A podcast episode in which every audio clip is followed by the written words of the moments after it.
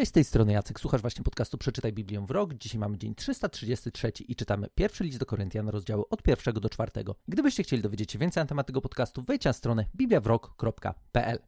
Kiedy czytaliśmy list do Rzymian, to odrobinę nakreśliłem tam historię tego, do jakiej wspólnoty Paweł pisał. I rozmawialiśmy o tym przy okazji listu do Rzymian, że wspólnota, do której Paweł kierował swój list, była wspólnotą, której on osobiście za bardzo nie znał. Znaczy, znał jakieś grono ludzi z opowieści, być może niektórych gdzieś po drodze spotkał, ale jedna rzecz jest pewna, on nigdy wcześniej nie był w Rzymie. I być może też dlatego list do Rzymian jest takim listem, do którego my nie potrzebujemy aż tak ogromnej ilości tła historyczno-kulturowego, żeby gdzieś odnieść się do konkretnych wątków, które Paweł w nim omawia, które są bezpośrednio związane z dobrą nowiną. Dlatego też tak stosunkowo łatwo było nam wyłuskać, że pozwolę sobie powiedzieć taką myśl teologiczną Pawła, która wybijała się z listu do Rzymian i był on takim listem dosyć ogólnym. Na zasadzie w różnych miejscach mógłby być przeczytany i ludzie w miarę by kumali to samo. Mieliby mniej więcej podobne spojrzenie na to, o co takiego Pawłowi chodzi, bo nie jest on listem aż tak osobistym. Teraz jednak zaczynamy czytać list, który na tle listu do Rzymian bardzo się wybija, bo jest on związany ze wspólnotą, którą Paweł nie tylko że znał, ale on wręcz ją założył.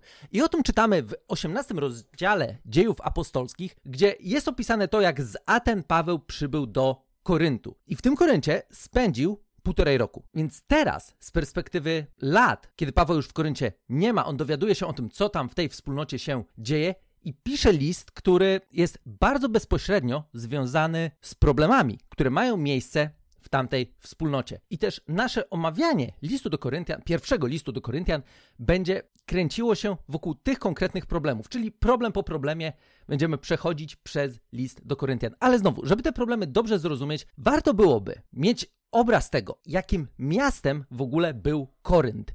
Bo prawdopodobnie o Koryncie jakoś szczególnie za dużo możemy nie wiedzieć, nie pamiętać. Nie jest to miasto, o którym byśmy się mieli szczególnie uczyć na historii. Zdecydowanie miastem z tamtych czasów, które się wybijało najbardziej, były Ateny, które to Paweł odwiedził chwilę wcześniej, zanim właśnie do Koryntu się udał. Korynt jednak był niesamowicie wpływowym miastem. Było to miasto portowe, które było położone na takim przesmyku, ba, zresztą dzisiaj dalej Korynt jeszcze funkcjonuje, z tym, że to już jest nie ten Korynt, o którym czytamy, niemniej jednak lokalizacja jest dokładnie, czy tam prawie dokładnie ta sama. Położony między Zatoką Sarońską a Zatoką Koryncką i te dwie zatoki są połączone kanałem który też zresztą w tamtych czasach funkcjonował, bo ten kanał sprawiał, że nie trzeba było udawać się w podróż morską gdzieś tam dookoła głównego lądu, tylko można było polecieć na skróty. I to też sprawiło, że Korynt, jeśli chodzi o samo umiejscowienie, był miastem, w którym przycinało się kilka szlaków handlowych i dlatego też to miasto było niesamowicie bogate, ale jednocześnie, gdybyśmy chcieli sobie poczytać o tym, jaki był Korynt tamtych czasów, to jedna rzecz, która by się wybijała i która była wręcz synonimem bycia osobą, która mieszka w Koryncie, były kwestie związane z pijaństwem i rozwiązłością seksualną. Co zresztą niekoniecznie jakoś musi dziwić, bo w zasadzie sam klimat miasta portowego, gdzie co chwilę mam jakichś żeglarzy, którzy tam się zatrzymują na jakiś czas, handlują, robią nam różne rzeczy, które to tacy żeglarze jeszcze z tamtych czasów by robili. Miasto, które nie ma swojej w ogóle jakiejś szczególnej tożsamości kulturowej, bo jest to jeden wielki miszmasz w ogóle różnych, różnych ludzi z różnych stron świata, prowadził do tego, że zwyczajnie, jeśli chodzi o jakąkolwiek moralność, ona tam w zasadzie nie istniała jakoś szczególnie. Było to miasto w tamtym czasie, co prawda, rzymskie, ono jednak miało też swoją długą, długą historię. Jeśli chodzi o kwestie religijne, to jednym z takich wiodących elementów które wpływały właśnie na takie, nazwijmy to sobie, religijne postrzeganie rzeczywistości, była świątynia Afrodyty, która też, jeśli chodzi o zespół, że tak pozwolę sobie powiedzieć, zarządzający tą świątynią, był złożony w ogromnej mierze z prostytutek. Dlatego też sam jakikolwiek kult religijny, oczywiście mówimy tutaj o świecie pogańskim, był związany z seksem w ogromnej mierze. Żeby naprawdę dobrze wczuć się w klimat Koryntu, my byśmy potrzebowali teraz pewnie mieć jakiś, solidny wykład w ogóle z historii, żeby wiedzieć, jak to miasto powstało, co tam się działo i tak dalej, ale samo to, że jest to miasto portowe, bardzo wpływowe, dosyć bogate z uwagi na przepływ dóbr i które miały tam miejsce, a jednocześnie religijnie bardzo zróżnicowane i bardzo mocno też związane z rozwiązłością seksualną, mamy tutaj już jakiś mniej więcej obraz tego, w jakim świecie powstała wspólnota, którą de facto Paweł sam osobiście założył. I kiedy będziemy czytać ten list, to patrząc na te problemy, do których Paweł odnosi się w tym liście, z jednej strony możemy mieć takie poczucie, że o matko, co to w ogóle było? Ale jedna rzecz, o której chciałbym pamiętać, nie żeby wybielać jakkolwiek osoby, które tam były prowodyrami tych problemów, jest to, że ci ludzie w zasadzie nie znali innego świata, bo znowu mówimy o wspólnocie, która była bardzo pogańska, co zresztą znowu, jak wrócilibyśmy sobie do dziejów apostolskich 18 rozdziału i przeczytali, jak tam w ogóle wyglądała ta sytuacja związana z powstawaniem tej wspólnoty, to widzimy, że Żydzi nie bardzo byli zainteresowani tym, co Paweł miał im do powiedzenia. Dlatego też nie mówię, że nie było wierzących Żydów, bo oczywiście byli, zresztą oni też się w dziejach apostolskich nam tam pojawią, ale to była bardzo pogańska wspólnota, pogańska jeśli chodzi o swoje korzenie. I teraz nagle ci ludzie, którzy w zasadzie nie znają innego świata niż świat związany z miastem, które już wtedy naprawdę słynęło z rozwiązłości, którą w zasadzie ciężko by nam było pewnie nawet jakoś ogarnąć, wczuć się, wyobrazić sobie, bo nawet jakbyśmy wzięli, nie wiem, jakieś najbardziej szalone imprezowe miasto na świecie, mm, chociażby niech będzie to Las Vegas, no to tutaj to byłoby pe pewnie jeszcze razy ileś tam, jeśli chodzi o klimat zepsucia, które miało miejsce w Koryncie. Więc to jest świat, który nawet nam ciężko jest wyobrazić, bo zwyczajnie już nawet dzisiaj trochę pewnie jakieś gdzieś dzielnice, miejsca, bo może można znaleźć jakiś taki klimat naprawdę takiego strasznie mocnego, lokalnego zepsucia, ale najprawdopodobniej dla przeciętnego mieszkańca Polski i słuchacza tego podcastu, szansa na to, że spotkaliśmy się z taką lokalizacją jest dosyć wątpliwa. Tam naprawdę było źle, było ciężko i dla nas byłoby to niewyobrażalne i to był jedyny świat, który znały osobę, osoby, które pod wpływem głoszenia Pawła nawróciły się i zaczęły iść za Jezusem. I z jednej strony oczekiwalibyśmy, że to będzie tak jak pump, stryknięcie magiczną różdżką, nagle ich życie się zmienia, wszystko wiedzą, wiedzą o co chodzi i tak dalej, wiedzą jak żyć, jak postępować zgodnie z Bożą drogą. No, tak nie było. Tak nie było. Oni musieli się uczyć tak naprawdę tego wszystkiego, w jaki sposób teraz w tym świecie funkcjonować, w jaki sposób w tym świecie świecić jasno Bożym światłem, co było ekstremalnie trudne. Tym bardziej, że znowu oni nawet nie bardzo wiedzieli, jak można żyć inaczej. Stąd też wyniknęły różne problemy, do których Paweł będzie się w tym liście odnosił. I na samym początku, pierwszym problemem, do którego Paweł się odniesie, jest też związany dosyć bezpośrednio z tym, jak ludzie próbowali zadbać o swoją taką lokalną tożsamość. Bo tak jak mówiłem, miasto było strasznie zróżnicowane. Było tam ogromnie dużo różnych narodowości, nacji i tak dalej. I było trochę tak, że ludzie mieli takie poczucie przynależności w związku z jakąś swoją tam lokalną tożsamością. I dlatego też w samej wspólnocie było bardzo dużo podziałów. I teraz chciałbym, żebyśmy już przeszli konkretnie do tekstu, mając jakiś delikatny obraz tego, z czym będziemy się mierzyć. I na samym początku Paweł, zbliżając się dopiero do problemów, do których się odniesie, zaczyna bardzo miło, sympatycznie, bo w zasadzie on zwraca uwagę na to, że też wierzący, którzy są w Koryncie, naprawdę doświadczyli ogromnej ilości Bożego działania i Bożej łaski. O czym pisze od czwartego wersetu, gdzie padają słowa: Dziękuję Bogu za, wasz, za Was zawsze, za łaskę Bożą daną Wam w Chrystusie Jezusie. W nim staliście się bogaci we wszelkie słowo i wszelkie poznanie. Bóg bowiem umocnił w Was świadectwo Chrystusa. Przez to nie brakuje Wam oczekującym objawienia się naszego Pana Jezusa Chrystusa żadnego daru łaski. On też będzie umacniał was aż do końca, abyście byli nienaganni w dniu przyjścia naszego Pana Jezusa Chrystusa. Bóg zaś, który powołał was do wspólnoty ze swoim Synem, naszym Panem Jezusem Chrystusem, jest wierny. I w sumie początek jest naprawdę fajny i widzimy też duchowy obraz wspólnoty. Z jednej strony do tego momentu wygląda na to, że to jest naprawdę fajna wspólnota, że im nie brakuje żadnego daru łaski, że Bóg objawia się w tej wspólnocie, że tego Boga widać, a jednak są niemałe problemy. I tutaj już Paweł od dziesiątego wersetu przechodzi do tego, co jest nie tak. A teraz wzywam was, was, bracia, przez wzgląd na imię naszego Pana Jezusa Chrystusa, bądźcie jednomyślni, nie dopuszczajcie między sobą do rozłamów. Niech łączy was jedna myśl i jedno zdanie. Domownicy Chloe donieśli mi bowiem, moi bracia, że dochodzi między wami do kłótni. Jedni z was mówią, ja należę do Pawła, drudzy ja do Apollosa, inni ja do Kefasa, a jeszcze inni ja do Chrystusa. Czy Chrystus jest dla każdego inny? Czy Paweł za was został ukrzyżowany? Albo czy w imię Pawła zostaliście ochrzczeni? Dzięki Bogu, że nikogo z was nie ochrzciłem poza Kryspusem i Gajuszem, bo jeszcze by ktoś powiedział, że został ochrzczony w moje imię.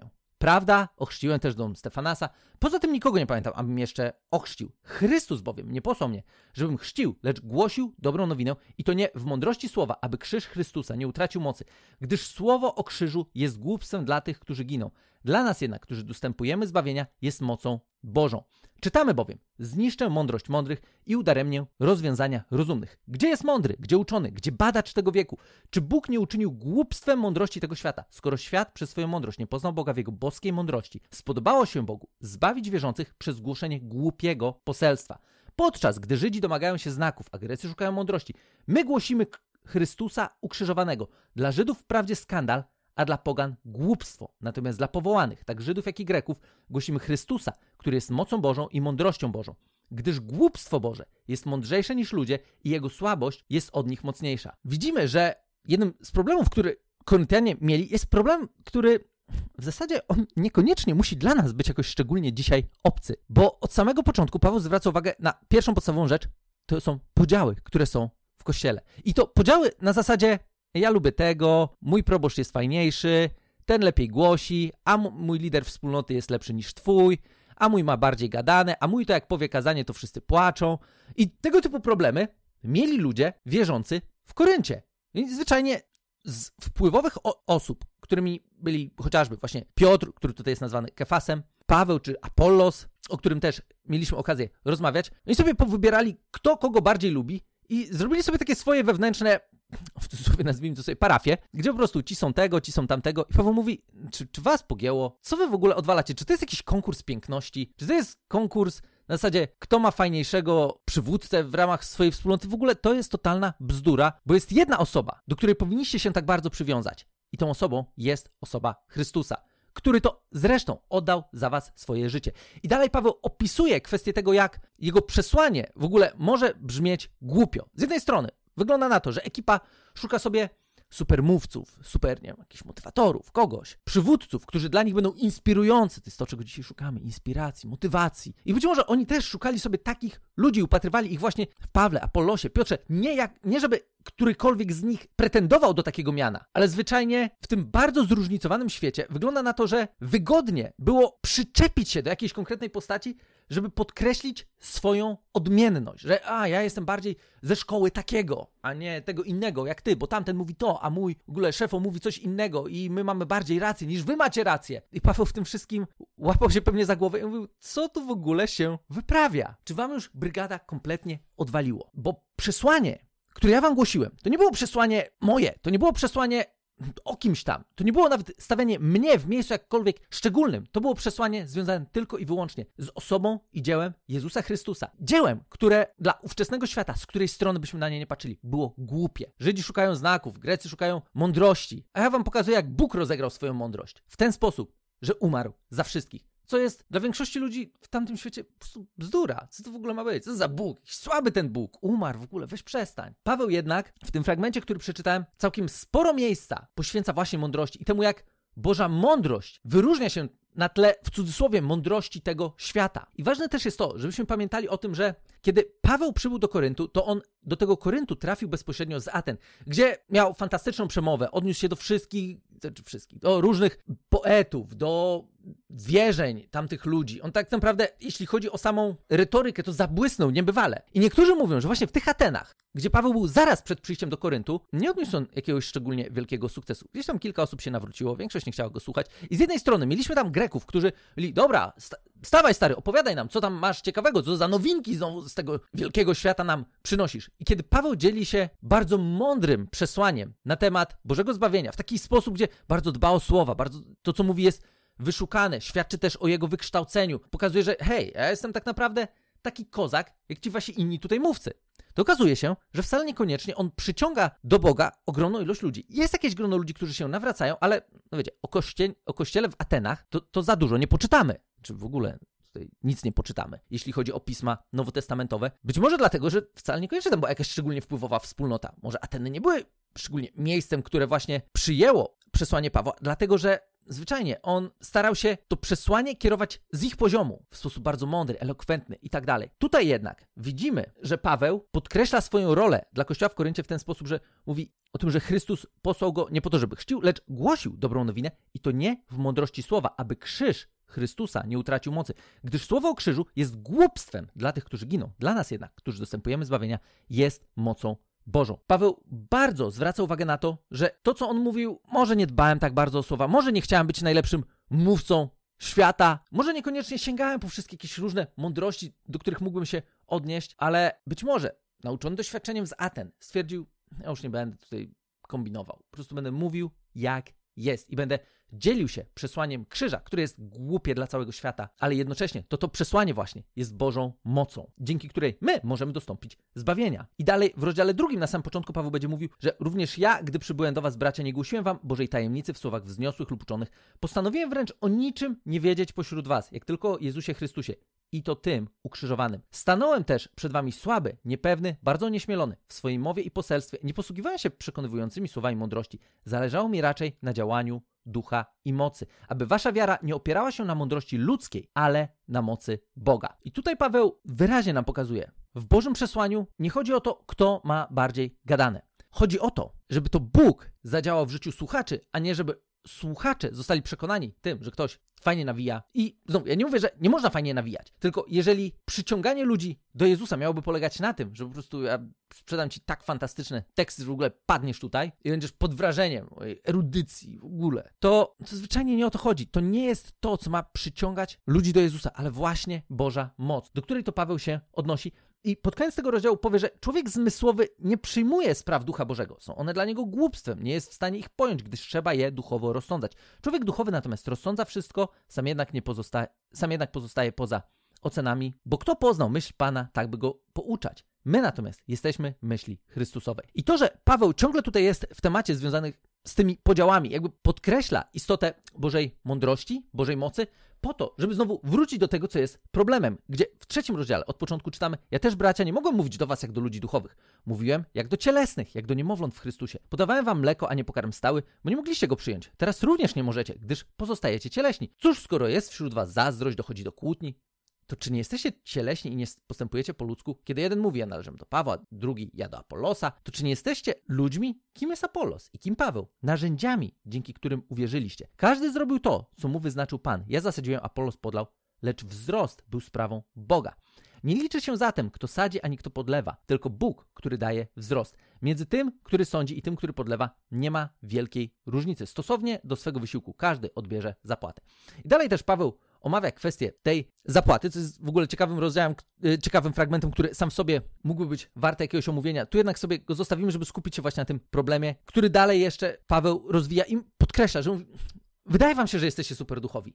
Tylko, że to, w jaki sposób wy się dzielicie, świadczy właśnie o tym, że jesteście bardzo cieleśni, myślicie bardzo po ludzku. I z jednej strony może oczekiwalibyście tego, że teraz przesłanie, które ktoś będzie do was kierował, będzie takie wyniosłe, daj mi tu takie, wiecie, hasło, które bardzo mnie zawsze bawi jakoś daj mi mięso, daj mi mięso, ja chcę poważne nauczanie, ja chcę coś naprawdę takiego zaawansowanego, bo już tak się dużo nasłuchałem tych podstawowych rzeczy, że po prostu nie, daj mi tak naprawdę poważne, zaawansowane, duchowe, głębokie mięcho. To jest to, czego chcemy słuchać. A Paweł mówi, wy w ogóle, jak maluchy, mleczko mogę wam dać. Bo swoim życiem pokazujecie, że wy nie nadajecie się do żadnego innego nauczania. Musicie najpierw ogarnąć podstawy, żebyśmy mogli mówić o czymkolwiek poważniejszym czy głębszym, ale wy swoim życiem najpierw pokażcie, że wy naprawdę umiecie żyć zgodnie z podstawami. Bo tutaj widzę, że zwyczajnie ekipa, wam to jakoś za bardzo szczególnie nie wychodzi. Dlatego Paweł kończy trzeci rozdział, mówiąc: Niech nikt nie chlubi się jakimkolwiek człowiekiem.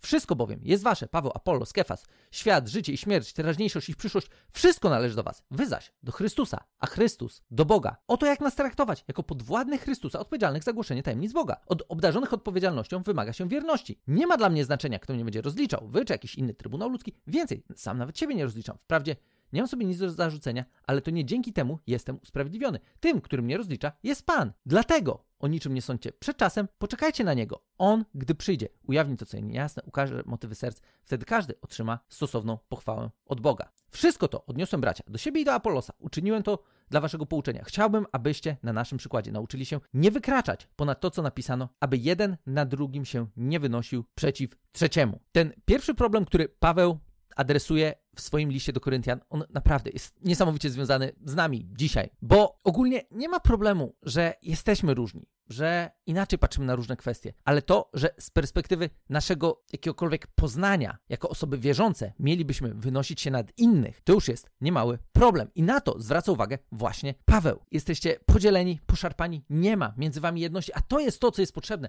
żeby świat mógł dostrzec, jaki faktycznie jest Bóg, żeby świat mógł dostrzec osobę Chrystusa, która działa przez Was, która działa w Waszym życiu, która działa w Waszej wspólnocie, w tym, jak do siebie się odnosicie. A to, jak Wy się zachowujecie, to zachowujecie się zwyczajnie, jak zwykli ludzie, którzy Boga nie znają, dzieląc się na takie i inne frakcje, szukając sobie coraz to tam ciekawszych nauczycieli, ludzi, którzy będą wam imponować, imponować ma wam Chrystus, a nie jakikolwiek człowiek, bo każdy, który wam służy, ma zwyczajnie zadanie do wykonania. Ten ma takie zadanie, drugi ma inne. Nie masz porównywać jednego z drugim, tylko masz szukać jedności, która jest w Chrystusie. O ile inaczej osoby, które jeszcze Jezusa nie znają, mogłyby na niego spojrzeć, gdyby wśród wierzących dostrzegli nie to, jak bardzo my się różnimy, tylko jak bardzo się kochamy i jak bardzo szukamy tego, co nas łączy. I wiem, że to jest po prostu ogromny temat i zaraz mogą się pojawić jakieś takie głosy w stylu e, w ogóle co ty mi tu rozmydlasz, bo nie wiem, są takie rzeczy, które niektórzy głoszą, którzy są totalną bzdurą, herezją i tak dalej.